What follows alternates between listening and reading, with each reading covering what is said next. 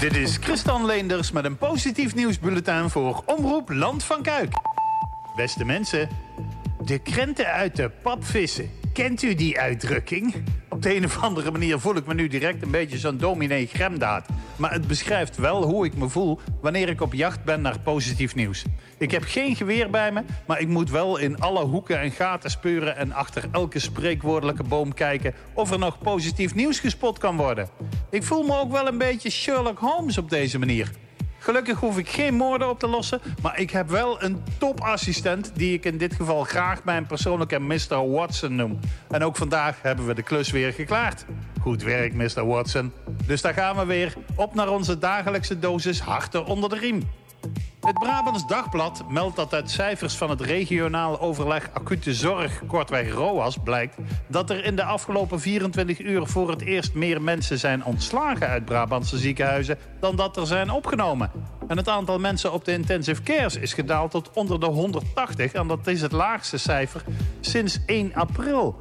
Hoewel er 147 nieuwe doden zijn gemeld, zijn er dat ten opzichte van gisteren ook 87 minder.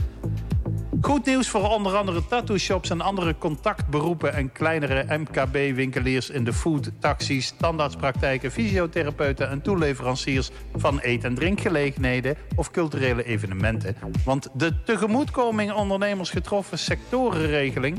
wordt zo aangepast dat deze nu ook voor hen geldt.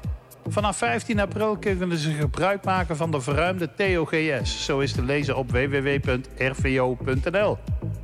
We hebben ook nog een pikant bericht uit een branche die garen spint in deze thuisblijftijd.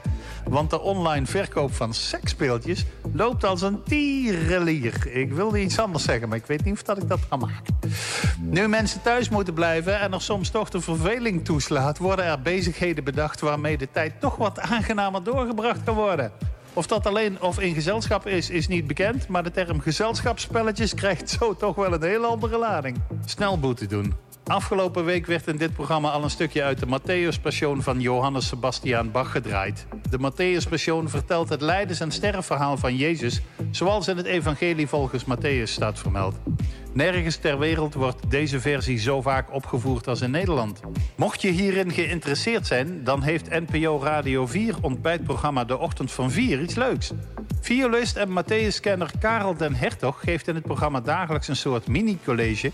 waarin hij elke dag een anekdote over een van de aria's of koorstukken uit de Matthäus-passion behandelt... en laat de mooiste uitvoeringen horen. De mini-colleges zijn afgelopen Palmzondag al begonnen... maar ze zijn nog terug te luisteren via de website van NPO Radio 4 www.nporadio4.nl slash de ochtend van 4 en daar vindt u de tap gemist. Dit was weer het positieve nieuws voor vandaag. Mist u positief nieuws hier uit de regio waarvan u vindt dat het vermeld moet worden? Stuur ons dan een tip.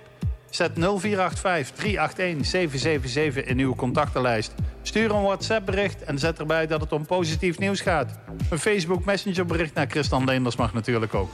Beste mensen, pas goed op jezelf en op elkaar en tot de volgende keer.